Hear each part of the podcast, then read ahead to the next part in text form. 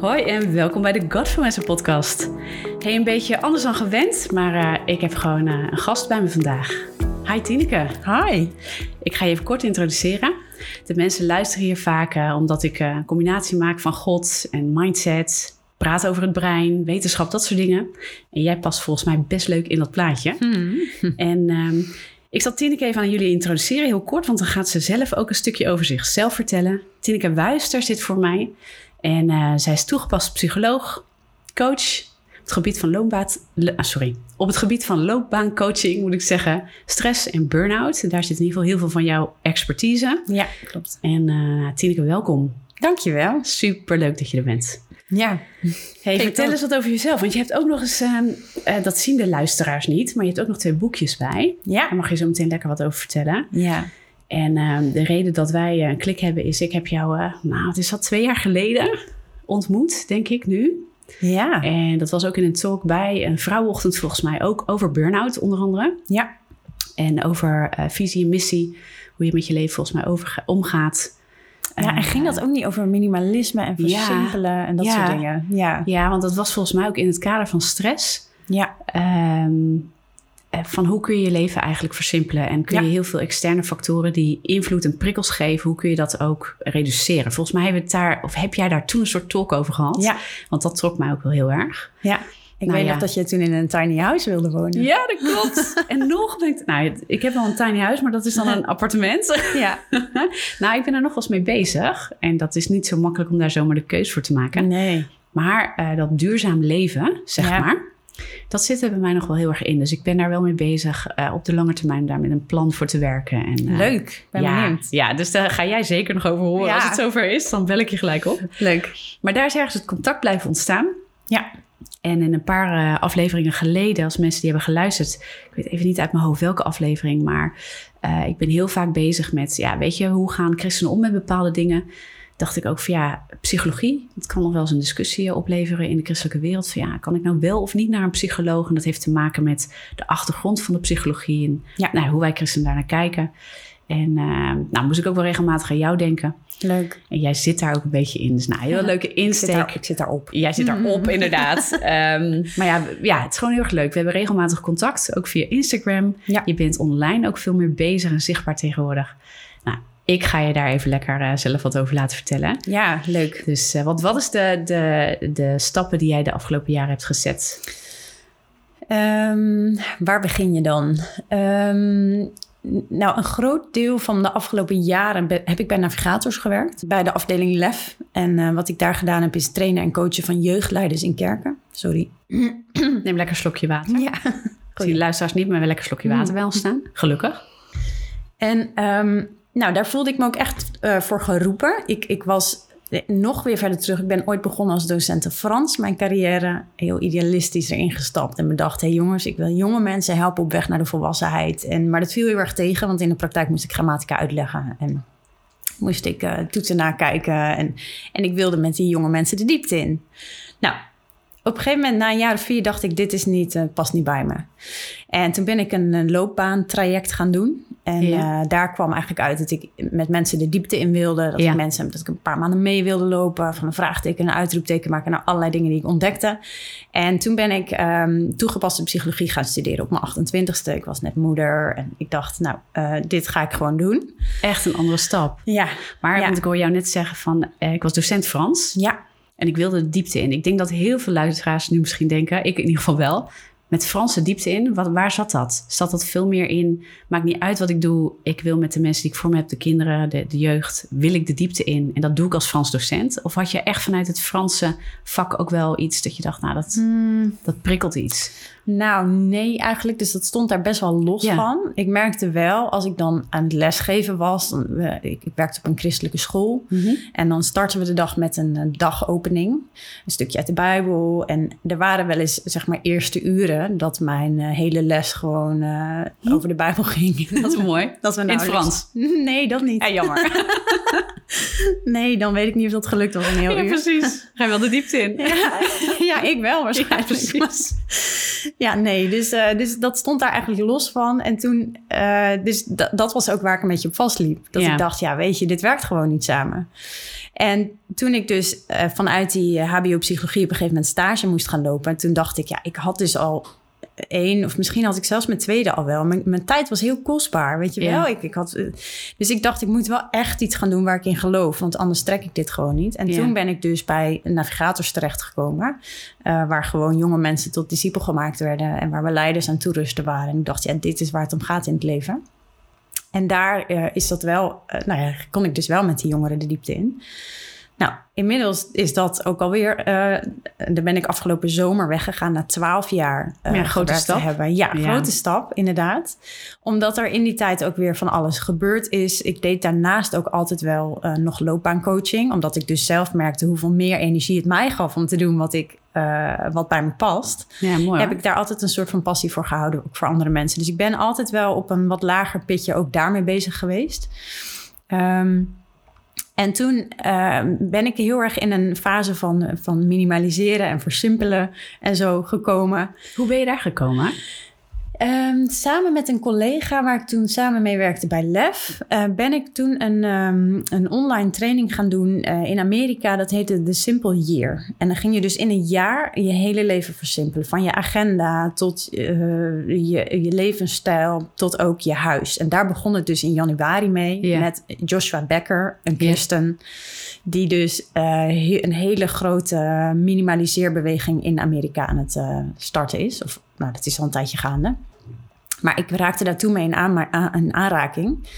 En eh, ik vond dat zo inspirerend. Gewoon het feit dat je dus de dingen houdt ehm, die je echt belangrijk vindt. Ja. En dat je alles wat je afleidt, als het ware, gewoon wegdoet. Dat idee. Het is gelijk een mooi loopje naar een van je boeken, hè? Ja, precies. focus- ja, want, focus. want eigenlijk is dat de start geweest van een heel proces. Want dat, dat ben ik in mijn huis gaan doen. Ja, Uh, dus dat betekent dat ik echt 50% van mijn bezittingen weg heb gedaan. Ehm, eh, nou ja, dus mijn huis is een heel stuk simpeler geworden. Wat trouwens heel lastig is om dat vast te houden, maar dat is ik voor een andere keer.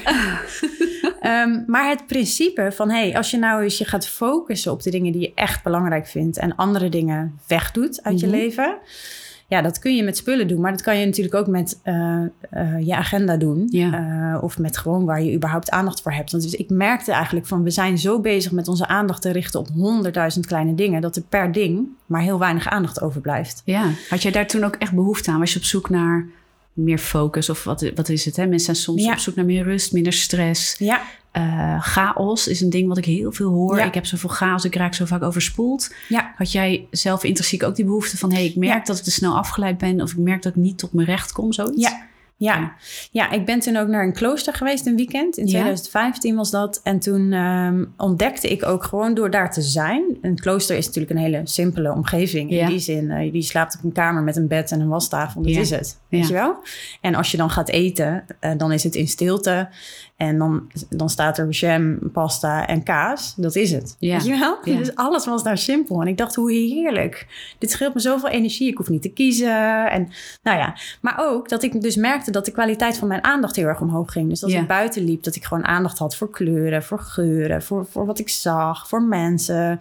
Dus, dus daarin merkte ik van, hé, hey, als ik dus eh, aan minder dingen aandacht geef, dan gaat de kwaliteit van die aandacht omhoog. En daar genoot ik heel erg van. Wauw. Dus toen dacht ik, nou, ik moet hier iets mee. En toen ben ik eh, professional organizer geworden. Nou, na een jaar was me dat toch te, praktisch. Dus dat heb ik toen weer eh, aan de kant Te veel gezet. focus. ja. Ja. Maar toen dacht ik, hé, hey, maar eigenlijk rondom tijd, dit hele principe toepassen rondom tijd, ja, dat Ja. interesseert me wel heel erg. Dus toen ben ik een opleiding tot stress- en burn-out coach gaan doen. En toen was je al psycholoog, hè? Ja. Toen zat je al echt in dat stuk van het vak. Ja. ja. Ja, en merkte ik ook bij loopbaancoaching dat stress- en burn-out coaching eigenlijk heel naadloos aansluit. Want als je dus niet zit op een baan, in een baan waar jij echt eh, nou, energie uithaalt, Ja. of waar jij je diepste, nou ja, je- ja, waar je voldoening in kunt vinden, Ja, precies. dan lekt heel veel energie. Ja. Ja, dus, eh, dus dat paste eigenlijk goed bij elkaar. En toen eh, op een gegeven moment was het een moment in eh 2018, volgens mij. Mijn man was eh, bezig met, die, die was allerlei profetische dingen, daar was hij in aan het groeien. Heel interessant. En hij was bevriend met iemand die een boek aan het schrijven was over profetie. Ja. En degene die eh, zijn boek redigeerde, Erika, die ken jij ook, Ja. want die redigeert ook jouw boek. Ja, ja. heel mooi. Nou, die eh, was dus met zijn boek ook bezig en die zei: hey, ik wil eigenlijk wat jij doet, dat hele profetische, ook wel eens in praktijk zien. Dus zij gingen, degene die dat boek schreef, met mijn man en Erika, gingen dus ineens met z'n drieën naar Roemenië voor een profetische conferentie. Ja, nee, voor de luisteraar, hè, want misschien dat niet iedereen gelijk denkt, hè, profetisch. we, hè, sommige mensen zijn er heel bekend mee, anderen denken, oeh, spannend gebied. Maar even simpel, voor het meest simpel uitgelegd is het woord van God brengen in iemands leven, hè, zullen we maar Ja. even zo zeggen. Ja, ja. Dat is de meest simpele uitleg, maar dan, Precies. dat is waar wij het in ieder geval eh, vandaag over hebben. Inderdaad. Maar heel mooi, dus, dus dat proces was gaande op de achtergrond. Ja, en toen kwam eh, dus Erika een nachtje bij ons logeren, omdat ze dus naar Roemenië gingen vliegen vanuit Eindhoven, waar wij wonen. Dus zo ontmoette ik Erika en ik eh, hoorde dus dat zij redacteur was. En toen zei ik, oh joh, een boek schrijven, dat heb ik altijd een keer, leek me leuk. Ja, leuk. Dus wij kwamen daarover in gesprek en ze zei, joh, we houden contact. En ik zei toen zij vertrokken naar het vliegveld van, joh, als iemand ehm, een profetisch woord voor mij heeft, dan hoor ik het graag. Ja, Lijkt me leuk. Dus twee dagen later werd ik gebeld. En was er een, eh, een, iemand aan de lijn die dus een woord van God voor mij had. En die zei allerlei dingen over bediening en vrouwen en nou, allerlei dingen. En maar één zin tussen neus en lippen door was dat boek. Daar moet je niet langer over twijfelen. Dit is de tijd en het gaat de deur naar veel mensenlevens zijn. wauw. Ja, en toen dacht ik, nou, dit is wel toevallig dat ik nu dit woord hoor. Dat ik twee dagen geleden dus iemand Ontmoet. gesproken heb. Ja, Toen dacht ik, ja, ik, volgens mij moet ik dit gewoon gaan doen. ja. Dus toen ben ik gaan schrijven. Eh, toen heb ik een commitment voor drie boeken gegeven. Mooi. Lucht, zicht en echt. En Ja. dat is een soort drieluik over eh, rust. Waarbij ik eigenlijk ehm, ja, een beetje vanaf de buitenkant naar binnen werk. Dus lucht gaat echt over het creëren van lucht in je leven, in je agenda. Ja, ruimte. Ja, precies. ja, dus mensen die tot echt tot hoog in de stress zitten. Ik zeg altijd, je kunt eigenlijk niet gelijk bij hun hart komen. Je moet eerst een beetje lager gaan Ja. afpellen. Ja, Eh, dus, dus het begint met gewoon wat rust creëren in je leven. En dan kom je dus op een gegeven moment bij, bij vragen als... hé, maar wat vind ik nou eigenlijk echt belangrijk in, in mijn leven? Waar wil ik focus op leggen? Wat, waar, wat wil ik doen? Daar gaat zicht dus over. Dus het zicht krijgen op eh, je focus, of je levensmissie. Ja, want ik heb hier, eh, dat kunnen mensen niet zien, maar ik heb hier twee boekjes, dus het bleef niet bij één boek inderdaad. Eh dat drieluik dus, maar ik heb hier zicht liggen en lucht. Ja. En lucht is de eerste Ja, en zicht is de tweede. ja. En ehm, nou, vertel maar verder, ja, inderdaad. Nou, en het boek Echt, dat eh, zit er nog aan te Dat komen. zit aan te komen, oké. En dat gaat dus, dat geeft dan zeven tips voor meer eh, vrijheid. En dat gaat echt op de laag van identiteit. Eh, dus als je goed weet wie je bent in Christus. ehm, als je eh, aanneemt wat God over je zegt, over jouw identiteit, dan kom je heel anders in het leven te staan. Ja, mooi. Eh, dus daar, ehm, dat stond eigenlijk gepland voor najaar eh, nu. Dus eigenlijk Ja, najaar nu. ja. Maar eh, dat heeft wat uitstel. Dat, dat laat even op zich wachten. Ja. Hey, maar als ik jou goed begrijp, hè, zoals jij daarnaar kijkt, lucht, zicht en echt. Mhm. Dat betekent dat je eigenlijk eerst, ik weet niet of je dat herkent, jij, jij spreekt natuurlijk veel mensen ook eh, in stress. Ja. Heel veel mensen hebben het over een wolk in hun hoofd, of Ja. spaghetti, of ik Ja. kan niet denken. En die mensen vaak kunnen ook niet goed nadenken over wie ben ik, wat wil ik. Die hebben überhaupt even geen visie. Ja. Als alleen meer overleven en hoe kom ik hier uit. Ja, absoluut. En wat ik voor jou begrijp, zijn de boekjes daar ook wel op gericht. In de zin van je gaat eerst lucht creëren, die wolk uit je hoofd, zeg Ja. maar. Ehm, dat je überhaupt kan gaan kijken naar richting. Precies. Daar gaat die tweede over, hè, zicht, het boekje zicht. Ja. Die zeven tips voor meer focus. Dus dan ga je, wat jij dus ook hebt geleerd, ook onder andere met minimaliseren. Waar ga ik mijn aandacht naartoe brengen? Ja, het less is hoe doe ik dat? principe. Ja, less is more, maar ook hoe doe ik dat? En dat Ja. vond ik, ik heb zicht natuurlijk gelezen. Ik heb lucht nog niet gelezen, maar ik heb zicht wel gelezen. En eh, wat je daar heel super mooi in doet, is, is heel erg praktisch maken hoe je daar komt. Ja, Hoe bepaal je wat, eh, niet alleen hoe je focust, maar hoe bepaal je waar je op focust? ja, En hoe, hoe weet je nou waarom, waarom je ergens wel of niet op moet focussen? En ik vind dat zo eh, mooi gedaan in het boekje Zicht ook. Hmm, dankjewel. En daarna pak je natuurlijk in op... Ja, ik heb natuurlijk ook een aanbeveling mogen schrijven voor het boekje. daar was ik heel blij Ja, mee. dat is, ja, ik ook, want ik vond het echt eh, heel waardevol wat je daar ook in hebt geschreven. En dan gaan we dus naar echt. En dan zeg je van, joh, als je die dingen helder hebt... Mhm. dan kan je veel dieper in je identiteit duiken en het fundament gewoon eh, beter leggen. Als je Ja. weet waar het over gaat, eh, weet je ook wie je moet zijn Ja. en waar je aan mag werken bij jezelf, met God. Ja, Ja, en vandaar kun je ook weer gaan bouwen. Je, Ja, dan kun je weer echt opbouwen. visie gaan opbouwen, denk ik. Ja, Ja, dus, ik, dat, dus dat herken ik heel erg. En dat heeft ook te maken met wat er gebeurt in je hersenen op het moment dat je stress hebt. ja. Ehm, dus dat eh, eigenlijk eh, zeg maar het deel van jouw hersenen wat achter jouw voorhoofd zit. ja frontale Ja, deel. de prefrontale cortex Ja. noemen ze dat. Ja, klopt. Eh, nou, dat wordt eigenlijk een beetje lam gelegd als je stress hebt. En dat zorgt er nou juist voor dat je goed helder kan nadenken. Dat je hoofd- en bijzaken kan onderscheiden. Dat je ook goed kan reflecteren. Ja, Ehm, en als dat dus wordt lam gelegd, zijn dat soort dingen heel lastig. Dus als mensen bij mij komen met echt in een burn-out of he- heftige stressklachten. En ik zou ze gelijk vragen, ja, maar wat wil je eigenlijk in het leven? Ja. Ja, dat kan gewoon niet. slaan vast. Ja, Dat is bij eh, depressie ook zo trouwens. Ja, dat heb ik zelf ik. natuurlijk ook gehad. Ja. Ja. Mensen vroegen, ja, maar Tess, heb je dan geen visie? En dacht ik, visie? Ja, Ik weet niet eens hoe morgen eruit gaat zien. Ik Nee. weet niet eens wat ik vandaag moet doen. Dan zit Ja. je zo vol met, ja, met, met wat? Nou ja, met een gevoel van een wolk in je hoofd. ja.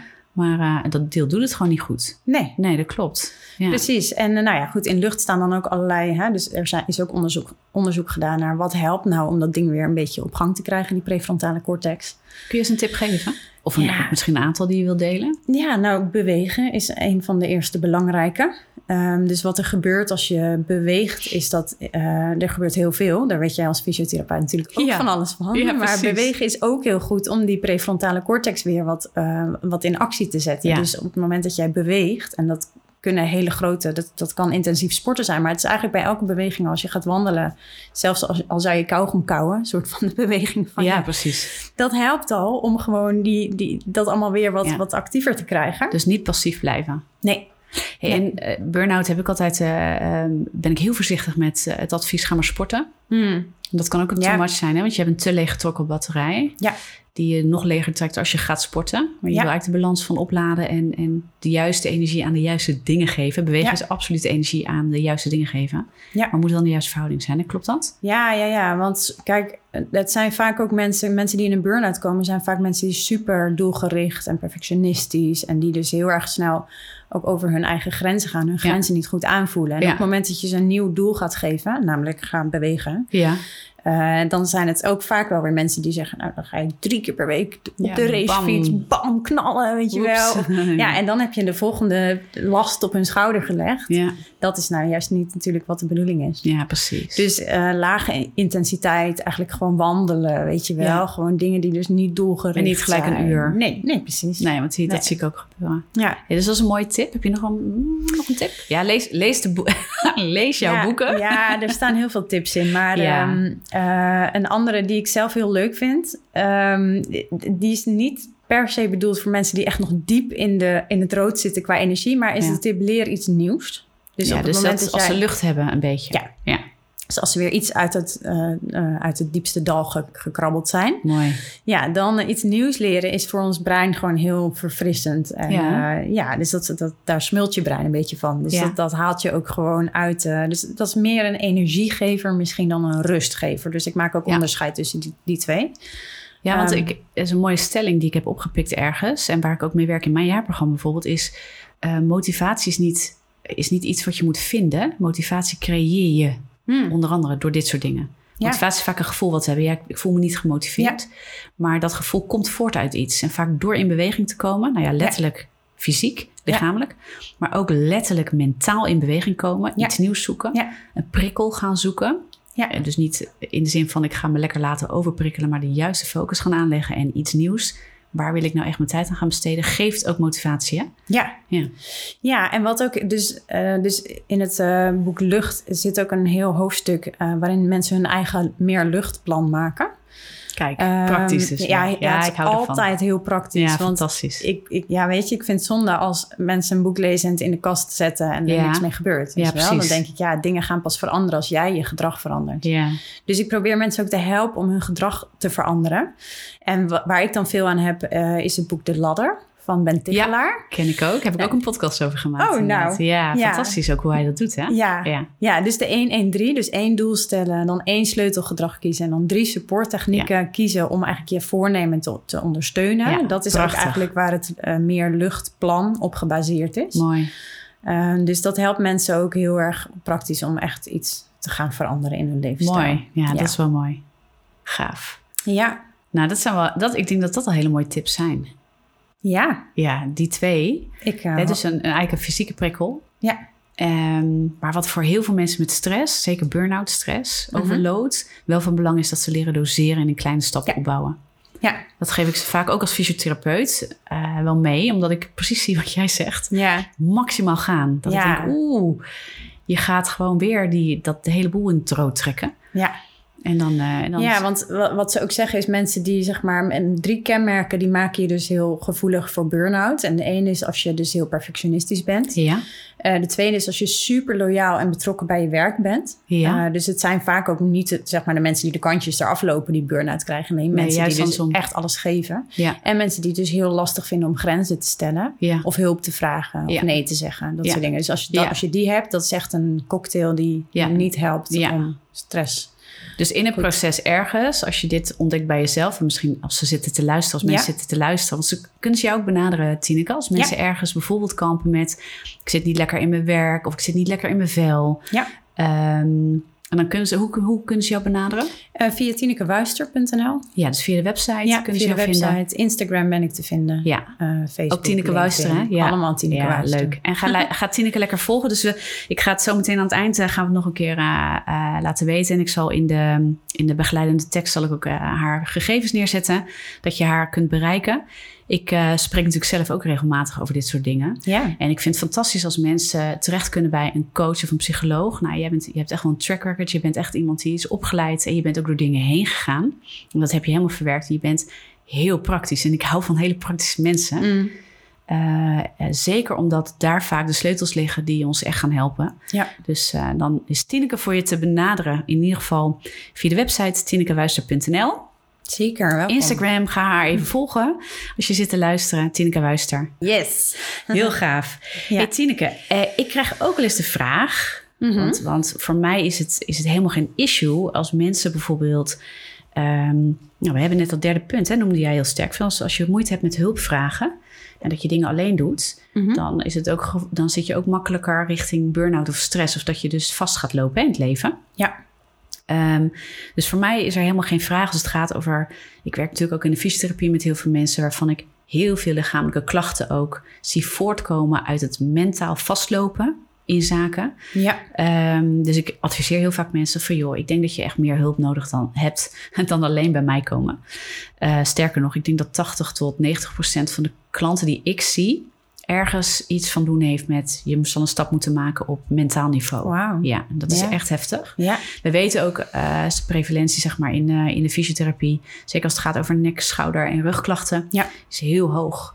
Uh, de koppeling met stress. Ja, absoluut. Ja, en stress is natuurlijk, uh, dat klinkt negatief, maar stress is eigenlijk een indicator. En Mhm. de uitingen in het lichaam zijn eigenlijk een indicator van, joh, je kunt hier wat mee, je moet hier wat mee doen. Ja. Je lichaam geeft een indicatie. En wat ik heel vaak tegen mijn patiënten zeg, joh, jij hebt geen klacht, Mhm. je lichaam heeft een klacht Ja. over jou. Ja. En die komt heel erg binnen bij mensen. Ja. Bedoel ik absoluut niet veroordelend, maar dat geeft een andere uh, visie op wat het lichaam voor ons is. Ja. Hè, dus wat wij heel vaak doen, is dat het lichaam moet gewoon zijn ding doen. En als hij uh, gaat haperen, dan vinden we het irritant. Ja. En Dan moet de fysio het even oplossen. Ja. Zo komen ze Ja. vaak bij mij. Ja. Maar dat is niet hoe het werkt. Nee, oh, die ken ik heel erg. Ja, ja. En um, ik merk dat mensen sowieso, algemeen, hè, christen, niet christen, maakt niet uit, vinden het best pittig om die stap te maken. Ja, psycholoog ben ik gek. Mhm, mhm. Oké, dus daar zit een bepaalde ding op psychologie. Ja. Uh, nou is dat een stuk minder tegenwoordig. Dus ik denk de laatste vijf jaar hoor ik dat, die comment hoor ik niet meer zoveel. Van ja, ik ben niet gek. Mensen hebben wel in de gaten van... hé, hey, dit is een, een, je persoonlijke ontwikkeling is veel meer gangbaar. Werken aan jezelf is veel meer gangbaar. Dus mensen pakken dat wat makkelijker. Ja. Um, in de christelijke wereld heb ik er al wel vragen over gehad. Van ja, Tessa... Um, maar ik, ik vind het lastig. Psychologie, soms hoor ik dat dat eigenlijk niet voor christenen is. Of, um, nou, ik, ik, denk wel dat ik dat kan doen, maar hoe vind ik nou een goede psycholoog of coach? Hè? Ja. Want psychologie, coaching, counseling of coaching zijn ook nog twee verschillende dingen. Ja. Um, ja, ik ben bijvoorbeeld echt wel een voorstander van hulp zoeken. En Mhm, dan dus ook mhm. hulp zoeken en door een proces gaan met een professional. Nou, jij ook, want anders zou Ja. je het niet doen. Ja. Um, wat, is, wat zouden we zoiets dus kunnen tackelen? Waarom zouden christenen wel naar een psycholoog kunnen gaan? Ja, wat ik, ehm, wat ik zelf zie is eh, dat, ehm, ja, hoe, zeg ik het? Uh, even denken hoor. Ja, leuk hè? Want wij zijn, wij zijn ook een beetje aan het zoeken soms, Ja, hè, ja, dit ja, soort dingen ja. samen. Dus dat is wel leuk. We hebben van tevoren net een gesprek gehad hierover. En toen dachten we, ja, hoe ga je dit dan... Ja, hoe zit dit eigenlijk? Ja, Ja, Dus we hebben misschien, ik, ja, ik heb niet overal een soort van sluitende antwoorden op. Maar wat ik heel erg zie, kijk, je hebt ehm, als je, eh, stel je zit in een burn-out. ja.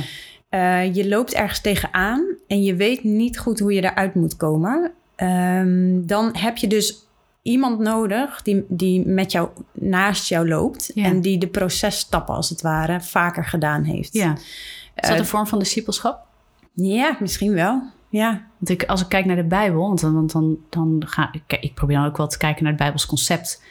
Discipelschap wordt natuurlijk heel vaak in eh, lijn gelegd met, eh, ja, dan leer je evangeliseren of zo. ja, Maar als je echt kijkt naar discipelschap, was dat karaktertraining en Ja. het leren kijken op Gods waarheid. ja. Ja, Toch? nou ja, weet of- je, ja, ja. ja. Dat is natuurlijk eigenlijk wat er... Kijk, als je bij de diepste vraag, hè, waar mijn boekje echt ook over gaat... Ja, Kijk, wat er heel vaak gebeurt is dat wij eh, bepaalde overtuigingen hebben over onszelf, over God, over Ja. het leven, maar ook over werk en over rust. En een overtuiging is heel vaak niks anders dan een gedachte die we heel vaak gedacht hebben, waardoor die zich als een waarheid is gaan vastzetten Vestigen, in ons hoofd. ja, Ehm, maar op het moment dat je zoveel denkt van hé, hey, dat is de waarheid, en dus voor jou is dat een waarheid geworden, ja. is het heel moeilijk om daar afstand van te nemen, er eens naar te kijken en te bedenken, maar is dat eigenlijk wel een waarheid? Ja, je wel? precies. Wat zegt God hier eigenlijk over? Ja. Wat is eigenlijk Gods waarheid over dit punt? En een, een psycholoog of een coach die eh, eh, sowieso, dus een christencoach of psycholoog, die dus ook vanuit de waarheid van Gods woord werkt, die kan je heel erg helpen om eigenlijk het licht van Gods waarheid te laten schijnen over jouw eigen overtuigingen. ja. En jou te helpen om die overtuigingen te veranderen, zodat je dus niet meer een leugen gelooft, maar in de waarheid gaat geloven. Ja, precies. Dat zou, een, dat zou absoluut dus iets kunnen zijn. Dat als je zegt, joh, ik ben christen en ik wil Ja. dus niet op een verkeerde manier met psychologie. Dan zouden we zo eens kunnen kijken, wat is dan een verkeerde manier van Mhm. psychologie? Mhm. Dat is ook een oordeel hè, die we hebben. Ja. Waar komt die vandaan? Hoe zit dat? Maar ehm, nou, die, hè, even dus. Ik ben, ik heb- ben burn-out of ik heb burn-out. Ik ben niet burn-out. dat is ook zoiets hè? Ja. Ik- maar heel veel mensen, ik ben burn-out. Ja. Nee, je hebt een burn-out. je hebt last van bepaalde klachten. Ja. Ehm, ik ben christen. Mhm. Ik wil in ieder geval op een goede manier de juiste manier hulp hebben. Dan zou het in ieder geval kunnen zijn dat je zegt, nou weet je, eh, zoek een christelijke psycholoog of coach. En die hebben er best wel wat in Nederland. Ja. Eh, jij ook. Dus eh, jij richt je niet nu specifiek alleen maar op christenen. Nee. Maar jij werkt absoluut vanuit het woord van God en de christelijke Ja. identiteit. Mag ik dat zo zeggen? Ja. ja. Dus mensen kunnen zeker als het gaat over deze specifieke zaken, hè, dus loopbaan, coaching, vastlopen je werk, stress, burn-out, kunnen ze echt jou benaderen. Ehm, nou, en zo zijn er nog een aantal christelijke, christelijke coaches en, en psychologen in het land. Ja. Ehm, maar buiten eh, de christelijke identiteit, zeg Mhm. maar, Mhm. eh, is het misschien dan lastiger. Ja. Kan een belemmering zijn voor christenen om te denken, ja, dat weet ik dus niet of ik, ja, kan ik daar dan wel terecht? Ja.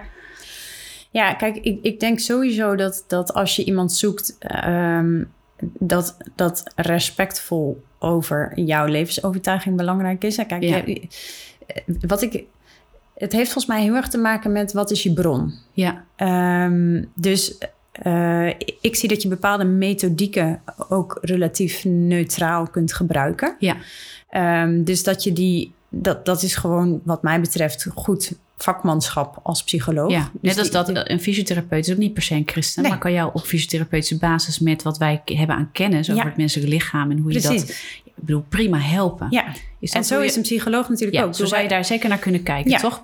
Bepaalde methodieken zijn gewoon eh, onderzocht, die Ja. werken bij Precies. bepaalde klachten, bij bepaalde eh, problematiek, om die zo Ja. te benaderen. Ja, ja. inderdaad. Dus eigenlijk is een psycholoog, zo- zoals jij veel van het, van het lijf weet, weet een psycholoog natuurlijk veel van, van gedrag en van, van brein. Eh, dus als je vastloopt met je lijf, dan ga je naar een fysiotherapeut. Als je vastloopt in je hoofd of in je gedrag, dan kun je dus naar een psycholoog gaan. ja, precies. En die heeft dan gewoon bepaalde methodieken die werken.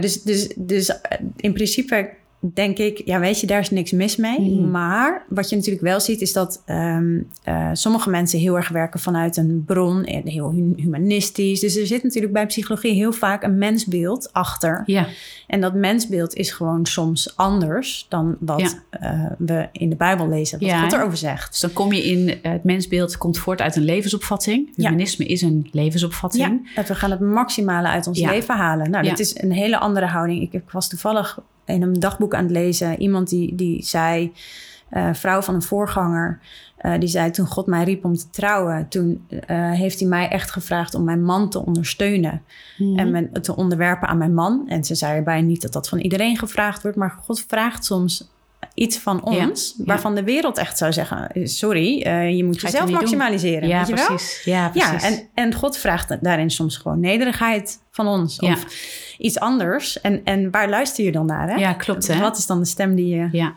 Ja, en, en dat ook toetsen weer aan het woord. Hè? Want Precies. eh, het woord onderwerpen kan... eh, we hebben ook vaak een oordeel over. Ja. Als mens, als christen ook. Hè? Wordt, kan heel negatief uitgelegd worden. Ja. Maar als je ziet hoe het woord daarover spreekt... en wat het woord daarmee bedoelt, wat God daarmee bedoelt...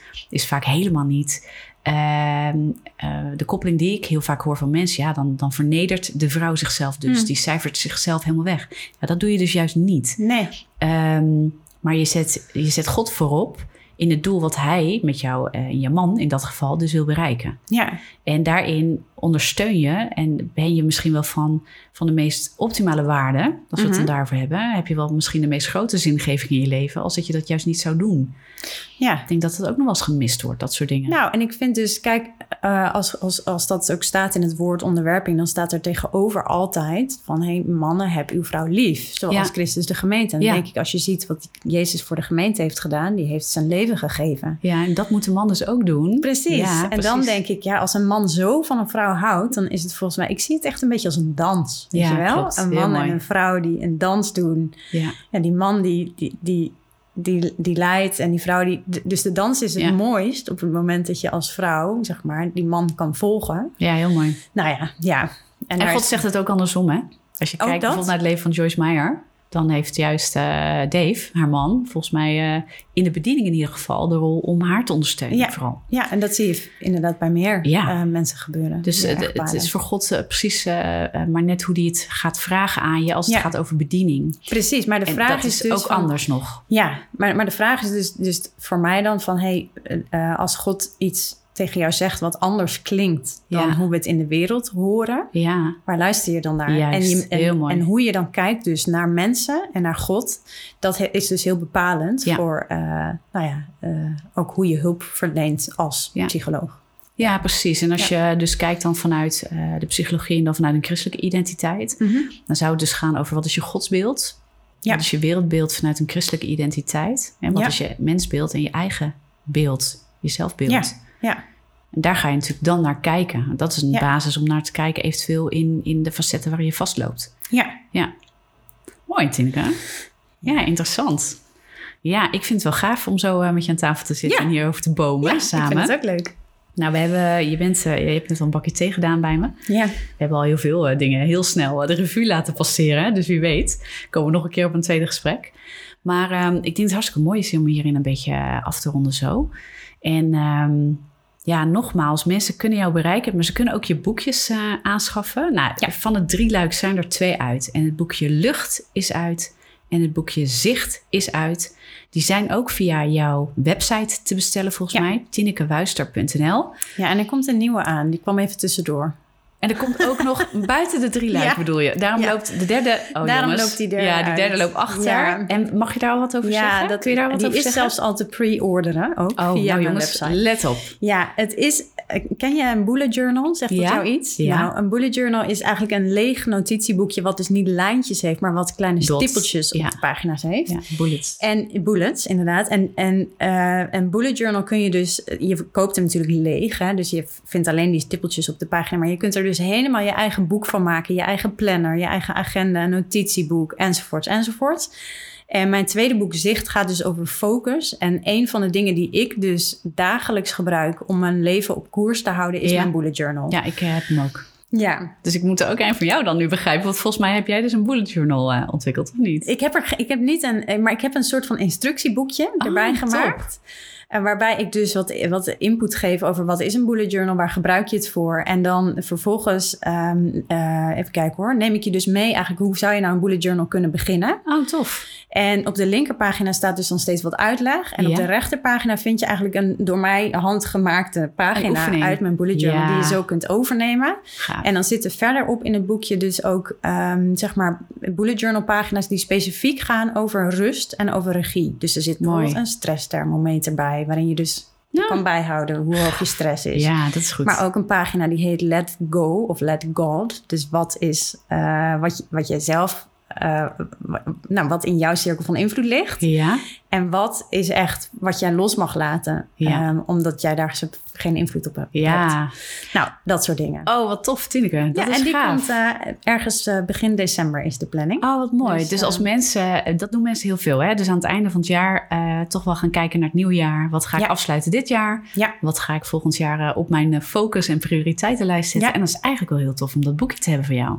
Ja, het is volgens mij. En, en ik, wat ik zelf zo leuk vind, is dat het dus echt creatief is, maar ook echt eh, proactief. Dus het helpt heel erg om. eh, ik, heb, ik heb het genoemd tips en tools voor meer rust en regie. Ja, En het heet dus Mijn Bullet Journal Inspiratieboek. Dat Ja. is een beetje, de- dat is de hoofdtitel. ja. Dus, Hey, eh, en heel ja. eerlijk, maar het is niet alleen voor vrouwen hè, en dit soort dingen. Nee, absoluut niet. Werkt supergoed ook voor mannen. Ja, Want er wordt heel vaak natuurlijk gezegd, ja, vrouwen zijn wat creatiever of wat makkelijker met dit soort dingen creatief daarmee bezig. ja, maar eigenlijk prikkelt het vooral je creatieve brein. ja. En daarmee ook juist weer focus en helderheid, hè? Toch? Ja, en het mooie, kijk, ik heb ook in het boekje zeg ik, het, kijk, het is op mijn handgetekende pagina's zijn niet perfect. En zijn Gelukkig niet maar. het toonbeeld van, als jij gaat googlen op een bullet journal, dan krijg Kom je hele mooie plaatjes. geweldige, maar die zijn ook heel intimiderend. Ja. En bij mij staat effectiviteit echt boven schoonheid. Ik vind het leuk als het er mooi uitziet, maar het is vooral bedoeld om Kijk, effectief praktisch te weer dus. Ja, dus eigenlijk wat bij jou past, met- wat je met eh, je boekjes tot op heden dus eigenlijk ook doet. En Ja. zoals ik eigenlijk hoor dat je praat en ook met je mensen werkt, is heel praktisch. Ja. Ehm, ja, ik ben daar echt een voorstander van, omdat ik zie wat, wat mensen daar aan oppikken en, eh, en hoe ze dat dan omzetten. Dus eh, is dit boekje eh, eigenlijk een instructiehandleiding voor goed effectief bullet journaling. Ja, zeker. Dat is eigenlijk eh, ja, weer net zo praktisch. ja, super, Super gaaf. Tineke. Nou, ik ga nog één keer aan jullie zeggen. Wij gaan afronden. Ehm Tineke, ontzettend gaaf dat ik je hier mocht hebben. Ja, bedankt voor je uitnodiging. ja, en wat je aan het doen bent, super tof. En eh, ga Tineke volgen op Instagram. Tineke Wuister. En ga even een kijkje nemen op haar website. Je kunt haar boekjes daar ook vinden. eh TinekeWuister.nl En eh, mensen die op Facebook zitten, zit je daar ook, eh, Ja, Tineke? zeker. Ook Tineke Wuister. Ook gewoon Tineke Lekker makkelijk, jongens. Ja, gewoon Tineke Wuister overal opzoeken. en in die zin gewoon spammen. Dus je mag er eh, lekker overal gaan volgen. En, en je kunt haar daar ook bereiken. Ik zal in de eh, begeleidende tekst ook even haar gegevens achterlaten van haar website en haar Instagram en Facebook. En dan kun je haar vinden. Tineke, dank je wel. Graag En, gedaan. eh, wie weet tot de volgende keer. Ook Ja, hier weer een keer. dat zou leuk zijn. Ja, denk het ook wel. Het past zeker bij de podcast. Dus eh, leuk om je nog een keer te gaan hebben en weer eens door te bomen over interessante onderwerpen. Maar voor nu enorm bedankt. Welkom.